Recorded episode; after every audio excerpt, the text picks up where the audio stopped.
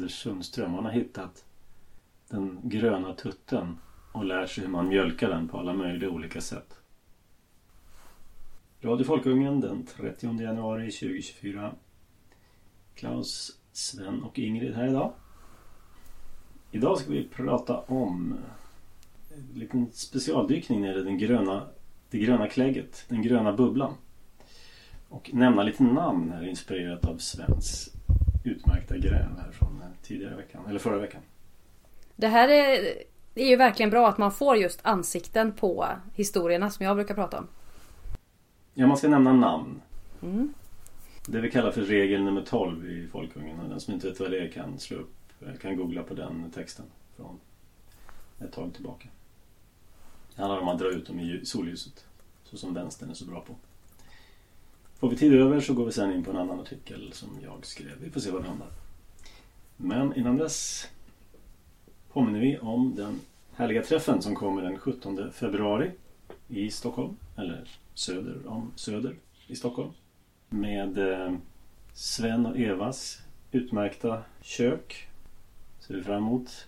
Ungersk och Ångermanland Fusion. Och det finns en eh, anmälningslänk på det där på vår evenemangsmeny. Dessutom eh, reservera datum till årets Folkungating den 24 till 26 maj. Jobbar på det just nu. Talarlistan tar form. Menyn likaså. Och det kommer bli det bästa tinget någonsin. Kan jag lova.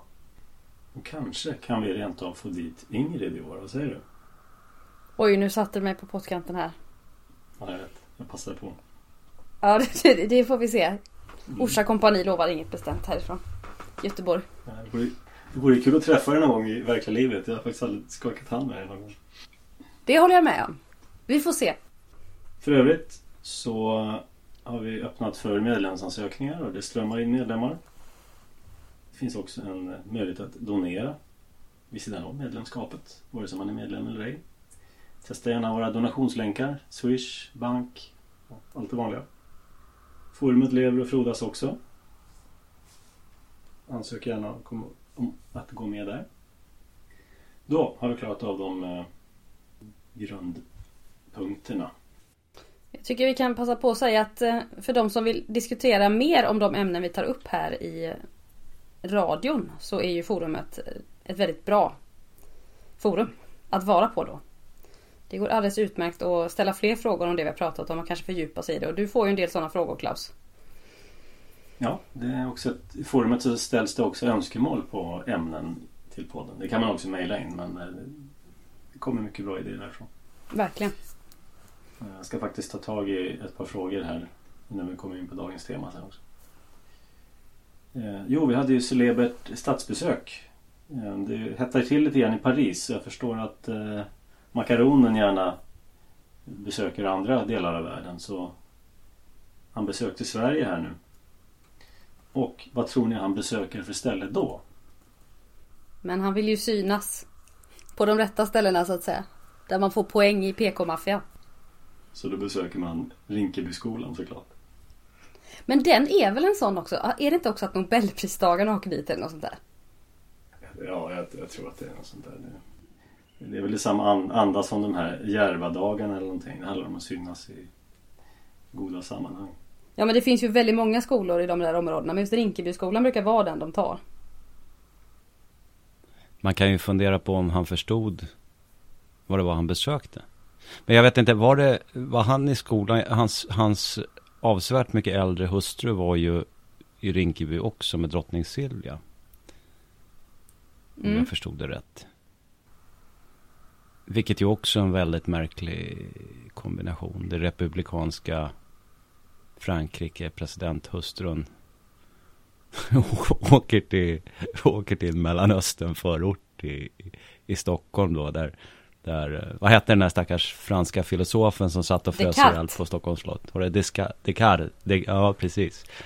Uh, ja, jag får han för ögonen. Jag vet inte varför, men det var... Men det här är ju att det är statschefer som möts, så det är inte jättekonstigt.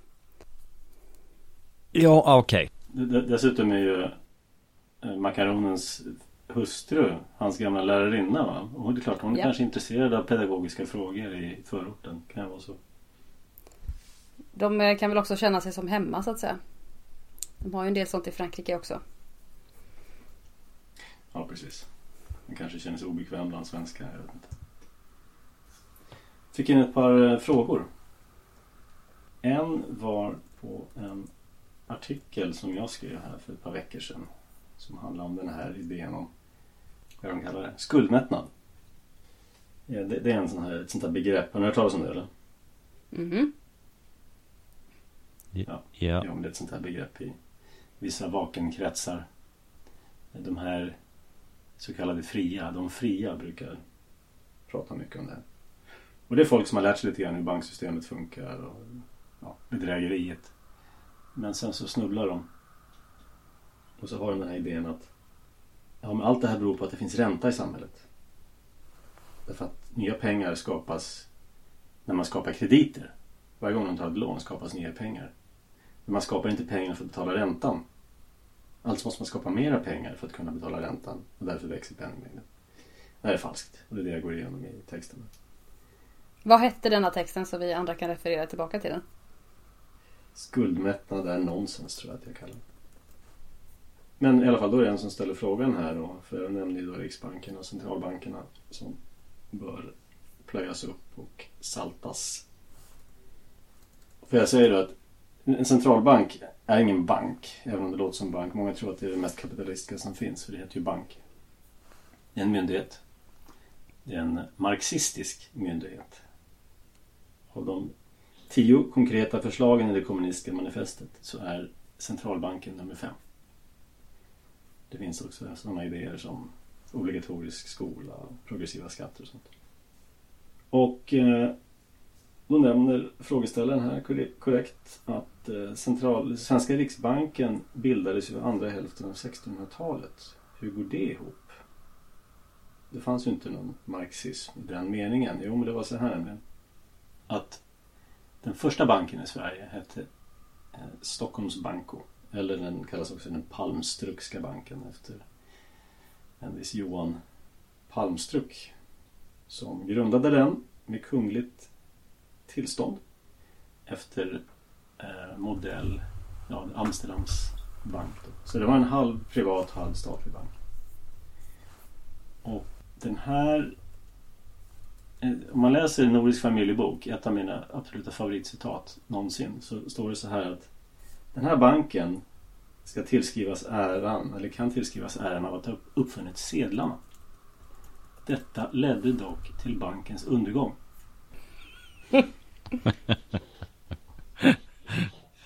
Och det som hände då, det var att staten tog över den helt. Så då blev den Riksens Ständers bank. Alltså de här fyra stånden. Eller jag tror att det var bara tre stånd som... Jag tror inte bönderna fick vara med, men de andra tog över då styret av den här banken. Och det var statens fel att den gick under. Men de tog över den. Och den här banken har då sedan använts för att eh, skapa konjunkturcykler, eh, skapa konkurser, eh, snabba vinster, finansiera krig, förstöra valutan. Precis allt sånt som centralbanker gör ända sedan sin begynnelse har han gjort det. Men det var en bank. Den var statligt ägd men det var inte en centralbank i den meningen att den styrde avsiktligt styrde ekonomin och styrde räntor och höll på. Den biten kom senare på ja, 1800-talet efter den engelska centralbanken som började med det här. Det här spred sig sen runt om i världen. Så finns det ju alltid saker som förekommer genom historien som sen kan användas på nya sätt inom nya system och, och sådär. Ja. Men det är samma, samma princip hela tiden. Bara att det tar sig olika skepnad. Nu har vi elektroniska pengar, vi hade sedlar, vi hade guldpengar, kopparpengar. Så, så det är exakt samma princip när man skalar av eh, liksom fernissan eller den, den färg som för tillfället är målad på. Så det är precis samma grej hela tiden. Så att vid någon punkt där, alltså, där på 1800-talet så började den här banken ägna sig åt att styra räntan. Diskonto kallades det. Det hade med ja, sådana här växlar att göra, hur man kunde diskontera dem. Och, ja, I alla fall. Och då började staten med den typen av styrning av ekonomin. Och växlar, det är ett slags skuldebrev? Ja, precis. Man kunde istället för att betala kontant så kunde man skriva en, dra en växel som det hette.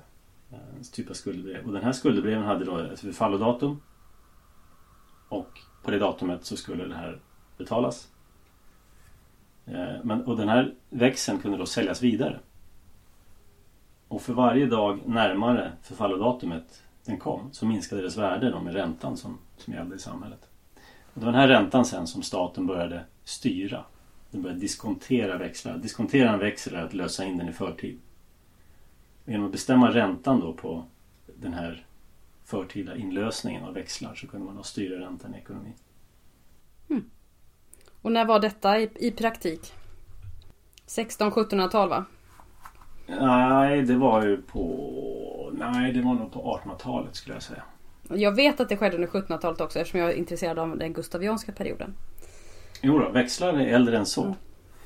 Det är en gammal italiensk eller judisk uppfinning som man använde för att kunna betala på avstånd ehm, när man inte hade internetbetalningar. Så kunde du handla på en marknad på ett ställe i en valuta så kunde du få betalt i en annan. Det var också ett, ett snyggt sätt att gå runt ränteförbud som gällde. Eh, därför att man skrev ut en växel på ett belopp och sen kunde man då kassera den till ett annat belopp senare. Och den här skillnaden då i beloppen det motsvarade då en, en, en ränta. Eh, så, så på så sätt kunde man också gå runt det här ränteförbudet som rådde under en viss tid. Det är väl det som eh, Köpmannen med Venedig handlar om till stor del va? Ja det är det nog faktiskt. Mm, om man vill ha något sånt att kolla på. Så det är ett väldigt eh, sofistikerat system faktiskt. Som man, ägnade, som man hade. Då. Och eh, givetvis hade ju Rothschilds ett antal fingrar i den här syltburken. Mm, växlar, diskontering. Men det blev alltså då en, eh, en man fick monopol. Det var ju det som Marx föreslog att den här nationella banken skulle ha ett monopol. Och det är ju det som centralbanken sen i stort sett fick. 1904 införde man sedelmonopol i Sverige. Innan dess hade alla banker sina egna sedlar. Men i Sverige är centralbanken, är det en myndighet? Det är en myndighet, ja. För i många andra länder är det inte riktigt så va? Jag vet, alltså tar Federal Reserve i USA som är en privatägd institution.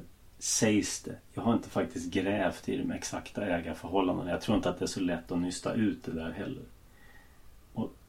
Jag bryr mig inte heller så mycket om exakt vem som äger vad. Nej, det är ju det vi brukar tala om hela tiden att eh, det, det är samma människor. Det kommer vi komma till snart här. Vad är det privata och vad är näringslivet? Eller förlåt, vad är det privata och vad är det offentliga? Och vad är institutionerna och vad är staten och vad är näringslivet? Det kan bli en soppa det. Så en annan fråga, men den kan vi kanske spara. Eh, han frågade vad vi tycker är rimlig storlek på stat, land, geografisk yta, befolkningsmängd med mera. Eh, det kan vi ta fördjupa oss i en annan gång. Men det finns en bra artikel i alla fall som jag rekommenderar som finns på Folkungen. Som handlar om Liechtenstein. Jag tycker personligen Liechtenstein är lagom storlek. Då kör vi dagens tema. Ett av dem i alla fall. Första. Sven, vem är Anders Sundström? Han är en, jag tror 71 eller 72 år gammal före detta socialdemokratisk minister. Uh, han var han var en del av, av det övre skiktet i socialdemokratin fram till 2004. Han, han, är väl i politiken. Göran Persson-generationen kan man säga av socialdemokratin. Ja, det stämmer bra.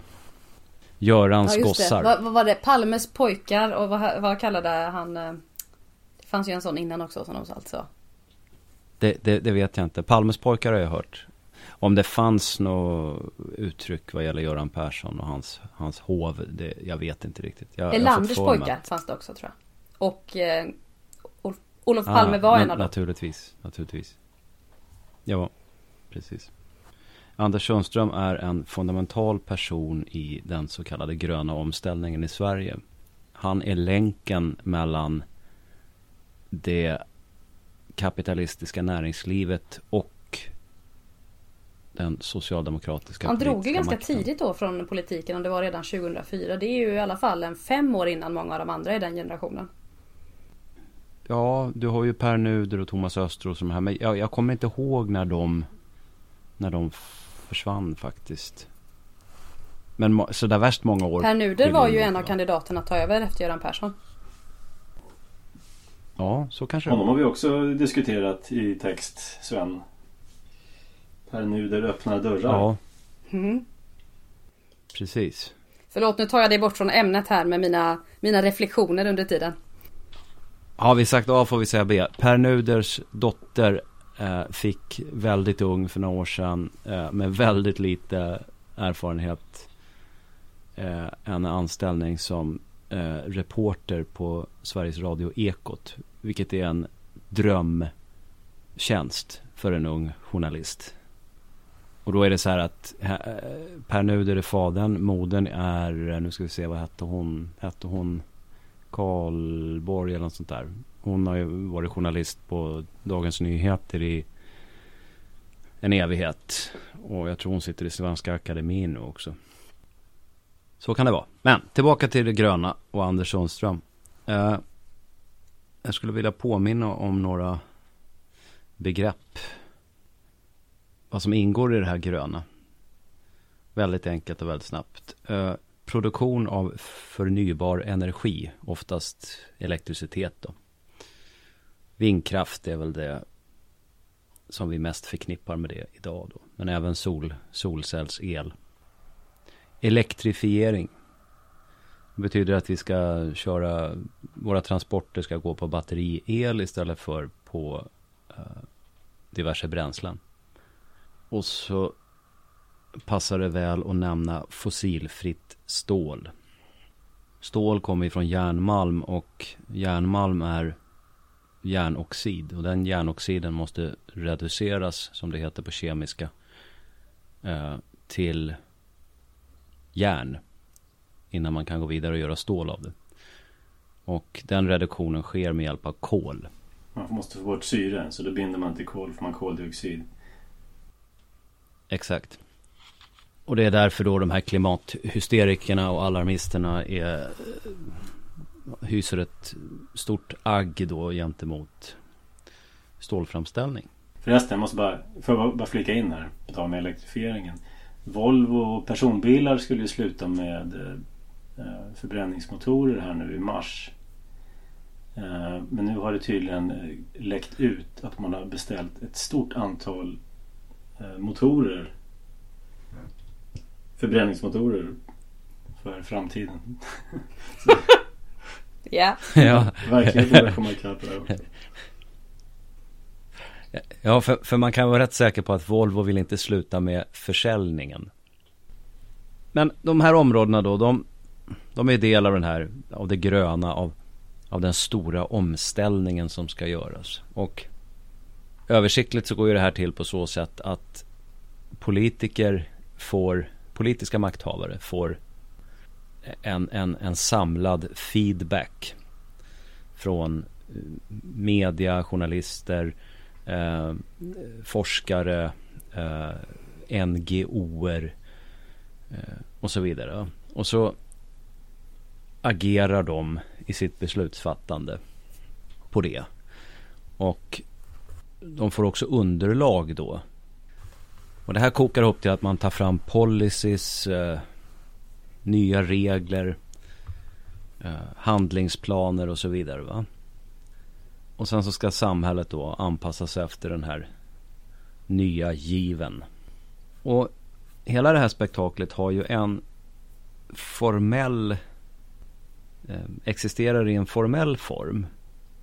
Men bakom det formella så finns det människor. Som är de som driver på eller de som bär det här eller de som gör för den delen det tråkiga tjänstemannaarbetet. Och jag vill passa på att fråga, vet ni vad kremlologi är? Ja. När Man sitter och gissar exakt vad ord har för eh, underbetydelse och mening och vad, de egentligen menar. Så. Som man förr i världen under kalla kriget försökte lista ut vad de i Kreml egentligen menade när de sa saker och ting. Precis. Eh, det var ju helt enkelt studiet av Kreml, eh, studiet av den politiska makten i Sovjetunionen. Som ju då i väst, den västerländska civilisationen skedde på avstånd och med väldigt lite data. Väldigt lite eh, information om vad som hände eh, bakom de stängda dörrarna då i Moskva. Och då försökte man på den lilla information och data man hade att, att äh, dra slutsatser om äh, i vilken riktning äh, man går. I, ja, vad händer i det politiska livet i Moskva? Jag är övertygad också om att Klaus och, och du är med Ingrid vet vad black box testing är. Jag tror det, men du får gärna berätta. Ja, det är ju när man testar Eh, Eh, oftast ett, en programkod. Utan att veta hur den är uppbyggd eller formulerad. Den svarta lådan kan man se som en maskin och så ska man testa fungerar den här. Då gör man det genom att helt enkelt försöka pröva alla funktioner och alla olika inputs och, och blir det rimliga outputs och, och så vidare. Det vill säga man skruvar inte isär innehållet och förvissa sig, förvissa sig om att alla komponenter som ingår där är fungerande. De här två sätten, black box testing och kremlologi, eh, det är sånt jag gillar att, att, att, att använda mig av på, på det svenska politiska livet. Därför att det är naturligtvis stängt för oss också. Men, men, men, men, men, men, men offentlighetsprincipen då? Ja, jo, den är viktig. Eh, annars hade man varit helt eh, vilse. Men, men den räcker ju inte. Den räcker ju inte. Uh... Ja, det man inte ser är ju relationer mellan människor. Och diverse olika intressen de har. Och, ja, sådana saker. Precis. Så att jag gillar att titta på, på människorna. Och hitta saker som är till synes betydelselösa men som ändå kan vara rätt avslöjande för att för att man ska förstå varför saker händer och särskilt när de händer väldigt stort och i väldigt väldigt omfattande. Och du gör, och du gör det väldigt bra måste jag säga. ja. Man blir bra på det man övar på. Och då är det så här att det jag upptäckte det var att det är känt ifrån media att Stefan Löfven har startat ett litet bolag med sin hustru då för att kunna fakturera sin lobbyism. Och det bolaget, eh, och, så här, jag, jag, skulle väldigt gärna vilja veta var Stefan Löfven bor. Jag vet att han bor i Stockholms innerstad. Jag är övertygad om att han bor på Östermalm av skäl som jag inte går in på nu. Eh, men jag vet inte den exakta adressen. Då kom jag på att tänk om han har varit så klantig så att han har bolaget, eh, dess säte är på hans privata adress. Men så var det naturligtvis inte. Utan hans bolag har en CO-adress hemma hos en vd för ett gruvbolag som heter Kaunis Iron. Och det gruvbolaget är en ny uppstart av en gruva i Pajala. Kaunisvaara. Det är gamla Northland Resources. Som jag var gruvanalytiker för en gång i tiden. Så den har jag besökt. Innan Oj. den var igång. Där ser man. Ja, de gjorde ju spektakulär konkurs 2014. Det var lätt att räkna ut. Ja, och det berodde på fallande stålpriser och, och, och, och ja, felkalkyler då. Sen gick ett gäng finansiärer ihop med Anders Sundström i spetsen. Bland de finansiärerna finns Stefan Pettersson, hennes Mauritsmannen, Harald Mix, som är en centralfigur i allt det här också. Jag aldrig talat om honom till för bara några år sedan. han, ja jag vet inte heller var han kommer ifrån, men han är ju alltså medgrundare till både Northvolt och H2 Green Steel. Och H2 Green Steel det är det andra av två gigantiska projekt som går ut på att göra fossilfritt stål. Det första är hybrid och det är LKABs, det vill säga det är statens eh, projekt. Och H2 Green Steel är Harald Mix då och, och både offentligt och privat kapital. Och Harald Mix är, är, är då också en medfinansiär i, i, i Kaunis Iron. Eh, vd för Kaunis Iron är då Claes Dagertun. Och det är där Stefan Löfven har sitt bolag. CO skrivet. Och då är det också så att jag kommer inte ihåg vilket år det var nu här men det var väl var det 2019 tror jag. Då utnämnde Stefan Löfven Anna Hallberg till utrikeshandelsminister. Hon eh, hade noll, bokstavligen noll politisk erfarenhet. Hon hade suttit på sådana här låtsas eh, tjänster, eh, framförallt på Almi då. Almi är en offentlig investeringsbank. Rena skojeriet skulle jag vilja påstå. Förtjänar ett helt eget avsnitt. Uh, en ännu större fråga. Har hon någon riktig arbetslivserfarenhet i ett privat konkurrensutsatt företag? Ja, tveksamt. Hon ger intrycket av en överårig flygvärdinna. Om, om den som förstår, den förstår. Det är väl inget dåligt jobb i och för sig? Nej, men nej, nej, det var inte så jag menar utan uh, uh, det påklistrade leendena. Och... Du tänker att den, den här flygvärdinnan inte kanske är den briljantaste i investeringssammanhang? Är det så du tänker? Ja, om, om du åker SAS, om du flyger SAS någon gång så förstår du. Men då är det så här att Anna Hallberg är sambo med Anders Sundström. När jag läste det, det är ingen hemlighet utan det stod ju i, i massmedia då 2009. För det, det blev ju viss förvåning när, när Stefan Löfven eh, utnämnde henne då. När jag läste det, det var då jag började förstå att Stefan Löfven och Anders Sundström, de känner varandra rätt väl. Eh, när jag ville få det bekräftat så gick det rätt så snabbt då. De var uppe, eh, det var 2020 eller 2021 så var de på privat resa i Norrbotten och var på Jokkmokks marknad. Anna Hallberg, Stefan Löfven och Ulla Löfven. Vilket den korkade tidningen, den norrländska socialdemokraten, hade vänligheten att dokumentera för mitt gottfinnande. Och det jag tänker då, och vilket min text på Folkungen kanske inte explicit säger, men så tydligt det går mellan raderna. Det är ju att Anders Sundström han är den man som har sprungit och viskat i Stefan Löfvens öra. Jag vill påstå att Stefan Löfven är en rätt korkad person. Och det har inte att göra med...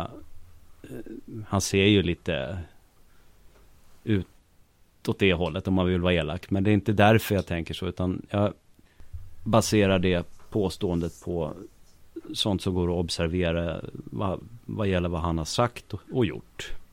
Vilket inte är just mycket alls. Utan han, när han tillträdde kunde han knappt prata engelska. Han, han är en kompromiss.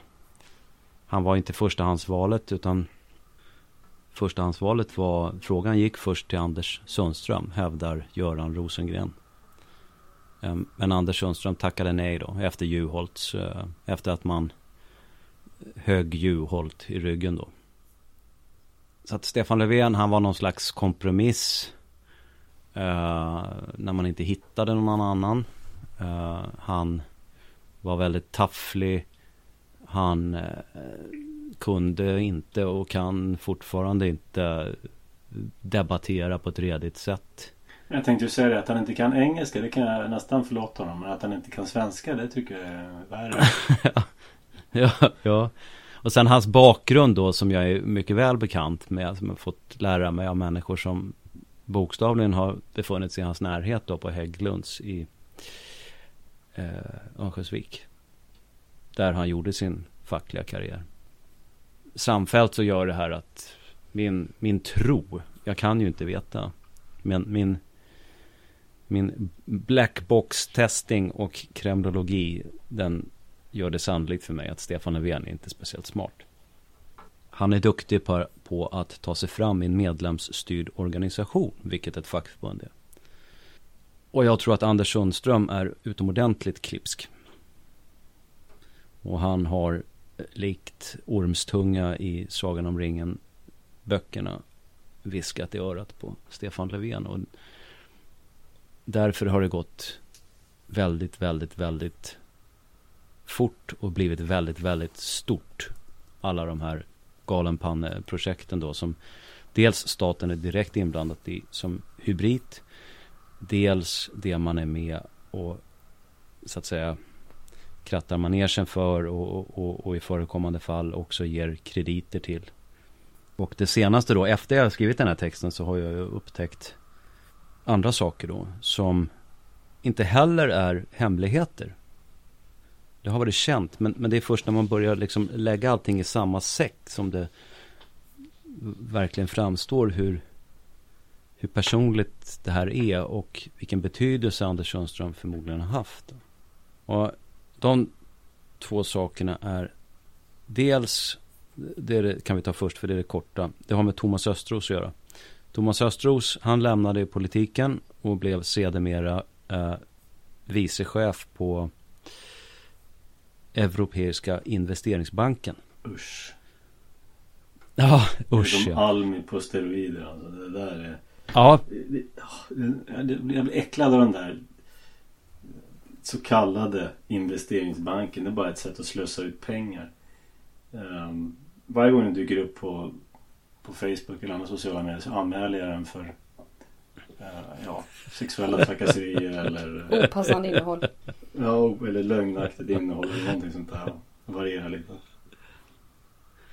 Ja, lyssnarna ska ha klart för sig att EIBs uppdrag det är alltså att tillhandahålla finansiering till projekt som är i linje med de mål som EU sätter upp. Det handlar inte om att, det ska, att de ekonomiska hjulen ska snurra i, i Europa eller Alltså en sån här klassisk eh, sosse Keynes eh, idé då från 60-tal. Det var inte så mycket ideologiska omdaningar så att säga som Ja, man trodde på Keynes idéer. Eh, man ville ha ekonomisk aktivitet, ökat välstånd och så vidare. Och, så, och, och, man, trodde, man trodde att vägen dit gick genom massa eh, ja, offentligt kapital som kunde lånas ut då, till låg ränta och så vidare. Eh, utan den Europeiska investeringsbanken ska med kapital eh, underlätta för att EUs galna idéer drivs igenom. Som ju är eh, Eh, inte alls handlar om att ge oss medborgare välstånd. När man räknar ut sådana här eh, korruptionsindex. Vilket man tydligen har gjort nu igen och Sverige har fallit ner några snäpp. Då ska man lägga in alla sådana här saker. Hela Europeiska investmentbanken ska läggas in som en faktor um, på skuldkontot.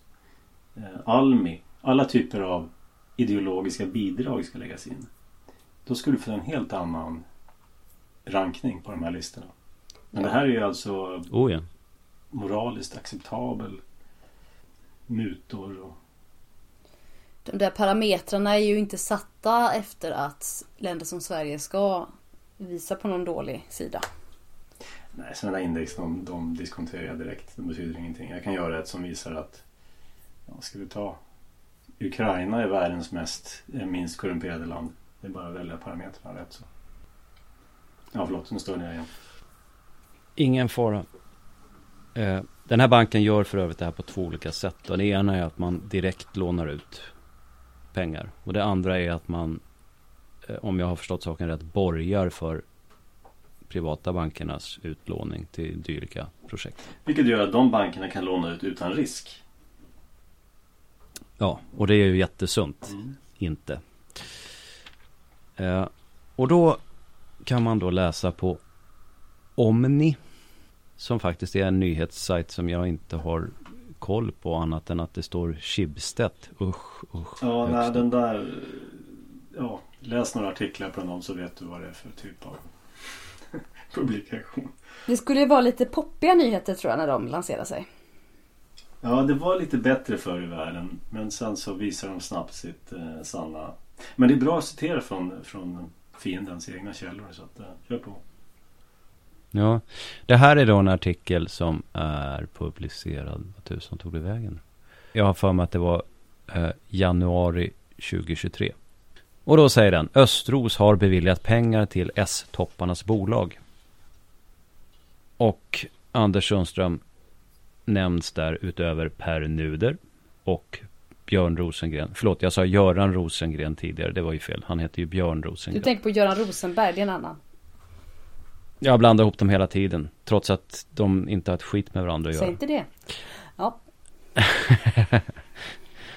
uh, och vad är det då uh, Anders Sundström har fått uh, som han har varit sylt, insyltad i och som har fått finansiering ifrån Thomas Östrons Europeiska investeringsbank? Jo, det är H2 Green Steel och Northvolt.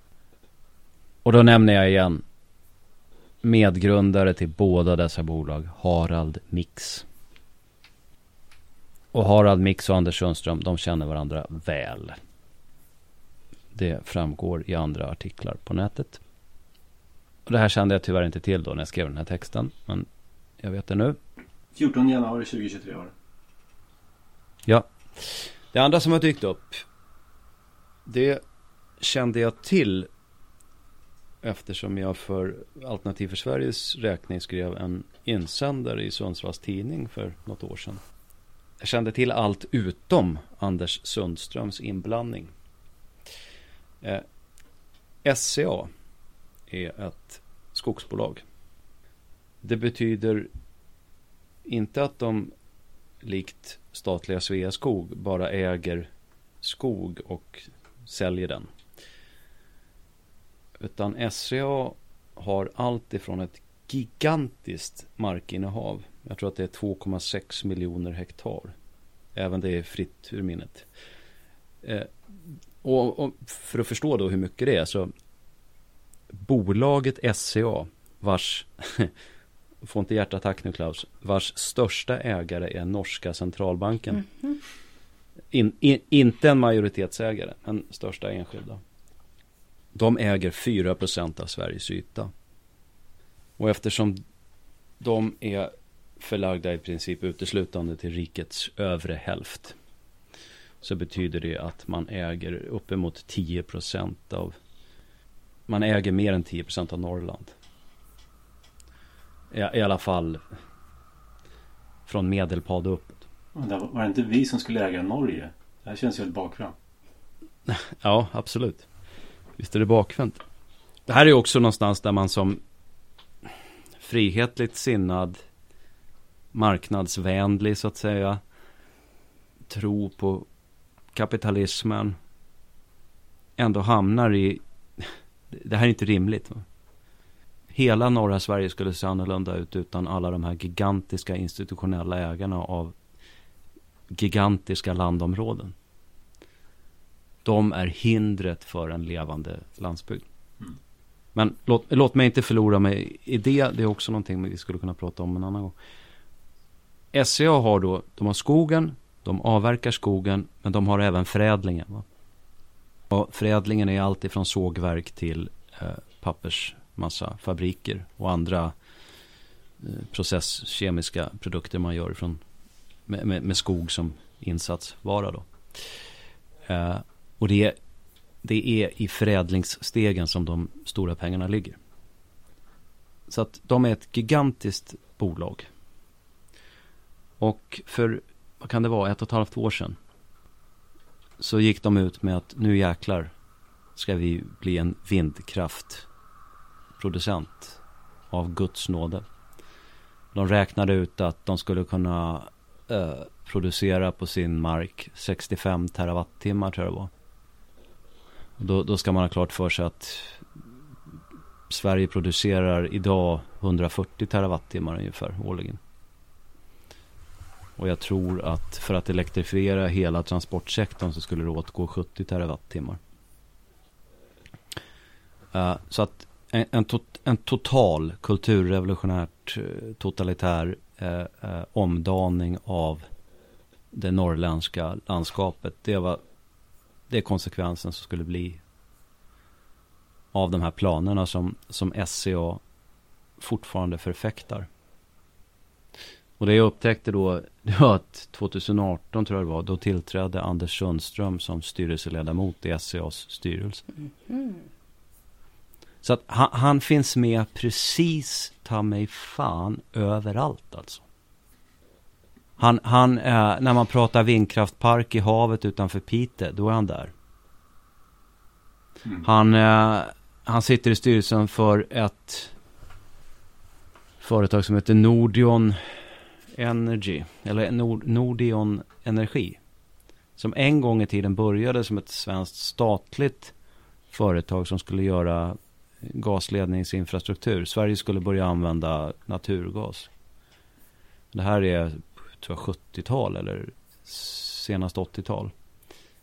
Eh, och man byggde nät för det här då och, och hit och dit. Och sen har det där, sen såldes det tror jag till E.ON av Reinfeldts regering.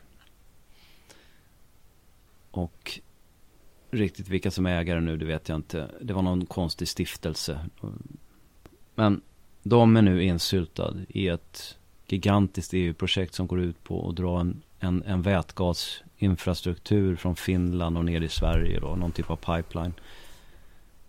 Och det är naturligtvis meningen då att man ska mata in, man ska ha vinddriven elektrolysbaserad vätgasproduktion som matar in det i en, i en vätgaspipeline som ska gå då långa sträckor med uttag. Det är ju ett sätt att både distribuera energin men även, även ha lagret på vägen, vilket är viktigt då med intermittent kraftproduktion, vilket vindkraft är. Och det är EU är ju naturligtvis insyltade här. Jag kommer inte ihåg nu vad det här projektet hette, men den som är intresserad kan gå in på Nordions, Nordion Energis hemsida. Man kan säga att den här Anders Sundström, han har hittat den gröna tutten och lär sig hur man mjölkar den på alla möjliga olika sätt. Nu låter du som Alexander Bard. Det var inte snällt sagt. Nej men och eftersom han är insyltad överallt så lär han sig också hur han ska spela de här olika intressena eh, mot varandra och mm. ja, få med, trots förmodligen skakiga underlag och så vidare, få med folk på tåget. Det, det, är, det är djupt obehagligt.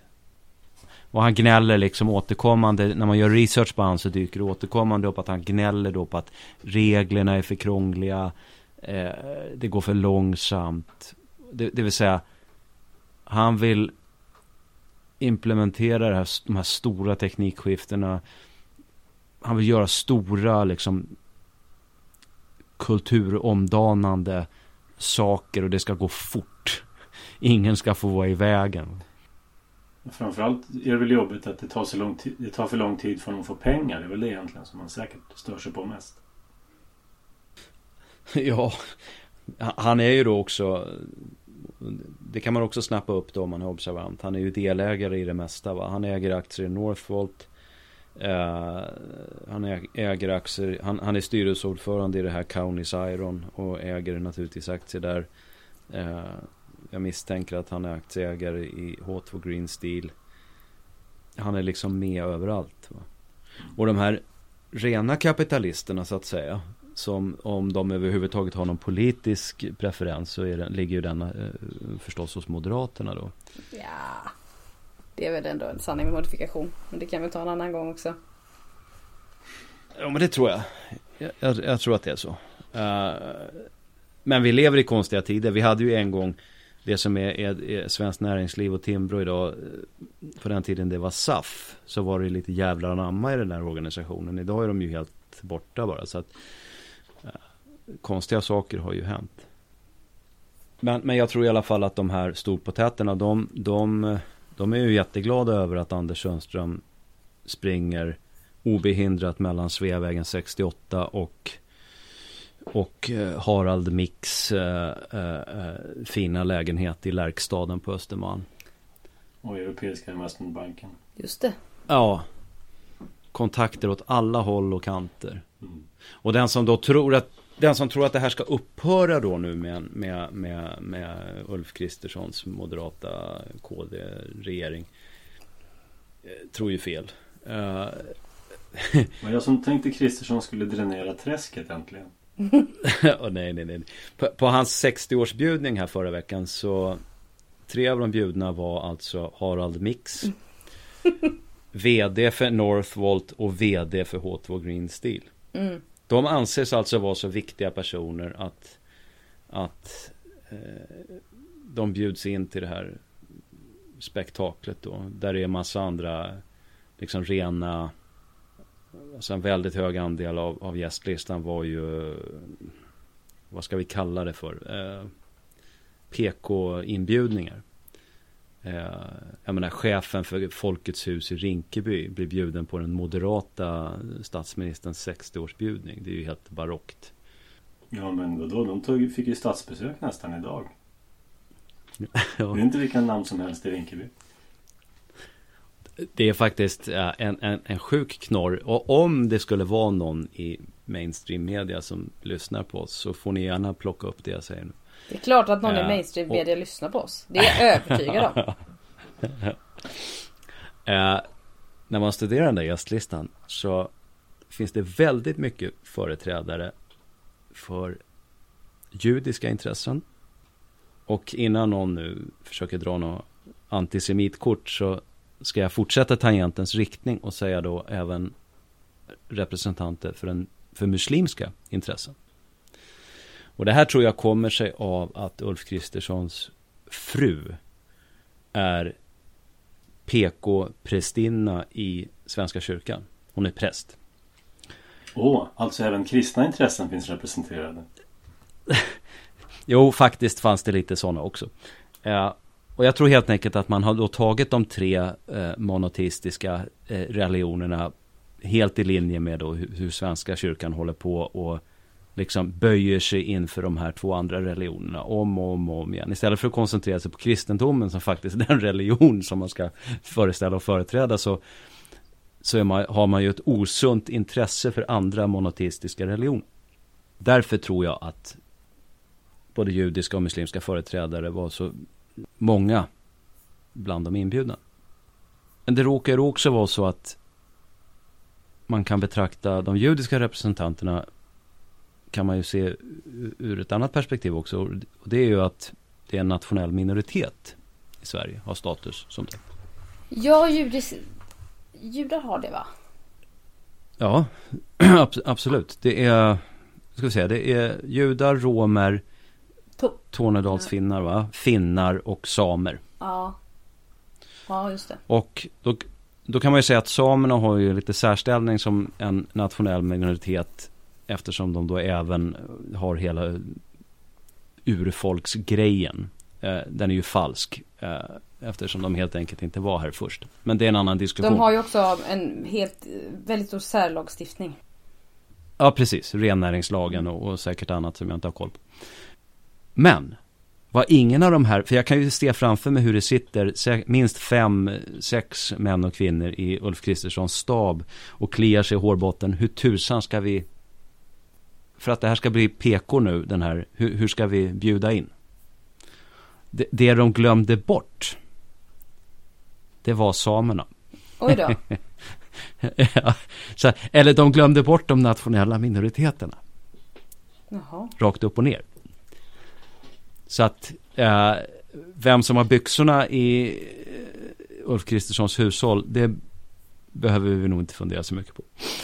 Eh, jag tror att det är fru, frun som bestämmer vilka som ska komma på, på hans 60-årsdag. Och eh, Kristerssons stab eh, fattade inte ens att vänta nu, om vi börjar ta in chefen för Folkets hus i Rinkeby och, och, och vi verkligen vinnlägger oss om att köra någon multikulti-spår här eh, bland inbjudningarna så kanske vi skulle ha representanter för de nationella minoriteterna också. Men det missar de.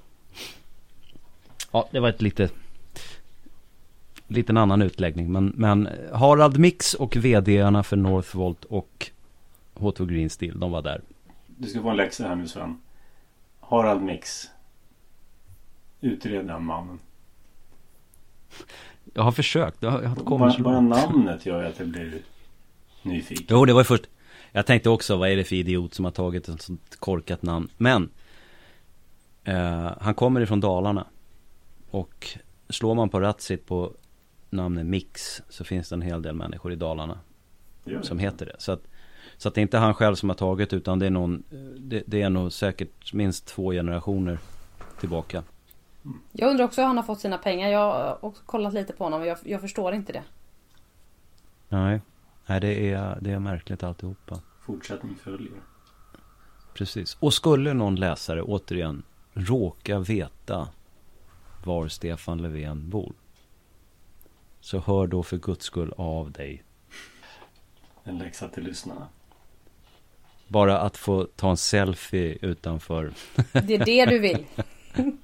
ja, det är det jag vill. Ja, men det är så här va. När man, när man som jag då har vuxit upp i Stockholms förorter och sen så halvvägs i livet flyttar upp till Ångermanland. Och så lär känna människor då som funnits nära Stefan Löfven. Och som har, inte är god vän med han, men som har haft no någon typ av relation i, ja, på Hägglunds då, så att säga. Funnits i miljön där. Då infinner sig raskt en, en slags uh, det, det, är nämligen så här att Stefan Löfven, den inbitne sosseväljaren uppe i, i Örnsköldsvik, han betraktar ju Stefan Löfven som någon slags arbetarhjälte med, som har minst har sorgband på, på naglarna och, och, och, och nariga, valkiga händer. En, en riktig, som han eh, Weiron i ottan va, från... Eh, City. Ja, precis. Uh, det är bara det att Stefan Löfven, han flyttade till Stockholm redan på andra halvan av 90-talet. Han blev väl facklig väldigt tidigt, alltså också lokalt. Så att han, jag tror inte han jobbade sådär jättelänge som svetsare. Nej. Så att han har haft liksom sitt, sin huvudsakliga bostad. Sen andra halvan av 90-talet så har han bott i innerstaden i Stockholm. Och när man börjar fundera och tänka efter. Det är lång tid. Det är väldigt lång tid. Han är inte alls någon norrländsk arbetare. Det, det, det, det är så dumt så... Det är så urbota dumt. Jag stod och tittade på honom på tåget hem här eh, för någon månad sedan. Ja, herregud, jag vet inte vad jag ska säga. Det är sådana ledare vi får i det här landet. Det är inte undra på att det går åt pipan alltihop. Du skulle ha pratat med dem, det skulle jag ha gjort. Ja, jag vet. Men det var så jäkla mycket folk och det stod en galen kattant där och snackade med honom. Och, äh. men, det, men det man ändå får, ja, får ge Stefan Löfven. Eh, alltså han har ju ändå en något mer verklighetsanknytning än många andra politiker. Sen vet jag inte om den är på ett bra sätt, men den finns ändå där. Nej. Nej, okej. Okay. Jag tror, nej jag tror inte det. Han är helt jag tror i att den sista, den sista, ja, nej men den sista politiken, jag tror att Juholt är sån. Men han gjorde man av sig av med. Men den, den sista politikern som åtnjöt sitt eget partis respekt. Satt i riksdagen och, och var folklig i, i ordets rätta bemärkelse. Det tror jag var Lasse Werner. Han var bra. Honom gillar jag. Han, han, han var tokig kommunist va? Kommunister ja, ja, ja. är ju tokiga. Men, men, men alltså han, han var in, han hade, han... Han var genuin. Ja, precis. Precis. Han, han trodde på vad han gjorde i alla fall. Det måste man ju... Det är ju hedrande. Ja, men hur kommer vi till eh, Anders Sundströms drivkraft här då? Vad är, vad är det han håller på Varför håller han på så här? Det går ju bra. Det går ju bra för honom. Ja. Bara köra på. Han är ändå 71 också. Så han liksom inte, verkar inte lägga av på takten. Och så var han ju med i den här Swedbank skandalen också. Det... Jo, det var ju, men alltså där, där Folksam, de torskade 134 miljoner kronor på Northland Resources konkurs. Under Anders Sundströms vd-skap. Okej. Okay. Och, när, ja, och när Anders Sundström var styrelseordförande i Swedbank så var han in med stålar i hur var det nu? Då hade det blivit Kaunis Iron, tror jag. Swedbank finansierade eh, gruvmaskiner. Eh, det, det, det tystades liksom ner. Man fick aldrig riktigt veta eh, vad som hade sagts och gjort. Men helt säkert är att han fick gå som styrelseordförande 2016 i Swedbank. Ja, det där är en riktig, jag tror att, jag tror att Anders Sundström är intelligent, risktagare och fullständigt skamlös. Det är vad jag tror. Ja, alltså, alla de här människorna som sysslar med det här gröna bedrägeriet är för mig skamlösa. Jag skulle inte, även om jag ens blev erbjuden, vilja ta i det där. Jag skulle inte vilja ha pengarna. Du är så ädel. Nej, men jag vet inte, jag, nej, jag bara tycker det känns så äckligt. Jag kan, jag kan avsluta det här för att det, det drar iväg känner jag. Jag kan avsluta det här med uh, de två sista meningarna i den här Omni-artikeln om Thomas Östros och hans uh, uh, att det har blivit finansiering till hans gamla sossepolares bolag då, eller bolag som de har intressen i. Och då skriver Omni så här. Europeiska investeringsbankens presstalesperson Ulf Bergström säger till Dagens Industri att det aldrig har förekommit några intressekonflikter för Östros. Att personer är, inom citationstecken, bekanta leder inte automatiskt till sådana konflikter, konstaterar han. Jävlar, yeah, de aldrig hört talas om där alltså. Det är intressant. Nej. Mm. Men det står också i artikeln så här. Även bolag där Anders Borg och Göran Hägglund har intressen har fått stöd. Mm. Ja, det var ju storsint. Känner du en icke-politisk person som har fått stöd av Europeiska investmentbanken? Oh. Det där är inte en investmentbank. Det är också ett spel med ord. Men det kan vi gå in på en annan gång. Anders Borg är ju via Rud eh, Pedersen Public Affairs, eh, alltså lobbyistfirman, som är direkt knuten till socialdemokratin. Eh, och Anders Borg arbetar ju där. Så att Anders Borg är ju, han är tvestjärt idag. Eh, han är moderat med ena benet i, i mitt inne i, i sosseadelns kula. Ja, det är inte så noga vilket parti man tillhör. Det är viktigt att man har rätt kontakt. Ja, ja. ja. Jag måste bara säga, jag kommer att tänka på en grej när vi pratar om det här besöket till Rinkeby. Och för, det måste vara väldigt många år sedan nu. Det fanns en svensk artist som hette September. Kommer du ihåg honom? Ja. En blond, blond tjej. Petra Marklund heter hon på riktigt tror jag. Ja, okej. Okay. I alla fall. Då hade man eh, jag såg en, jag tror en amerikansk intervju då. Där man hade intervjuat en rappare, en stor amerikansk rappare. Och sen har man åkt till Sverige och besökt liksom den största stjärnan då. Eller en av de största då för tillfället. Och den här rapparen hade visat sitt flådiga hus. Det var guldkranar och guldtoaletter och swimmingpool och tennisbanor. Och, ja, en stor herrgård. Så har man besökt i september. Då har de släppt in dem då i sin lägenhet och så har de visat upp sin sopsortering. Ja. Och, och det här påminner lite grann om vad gör man när, man när man får hit Frankrikes president? Jo, man går och besöker Rinkeby.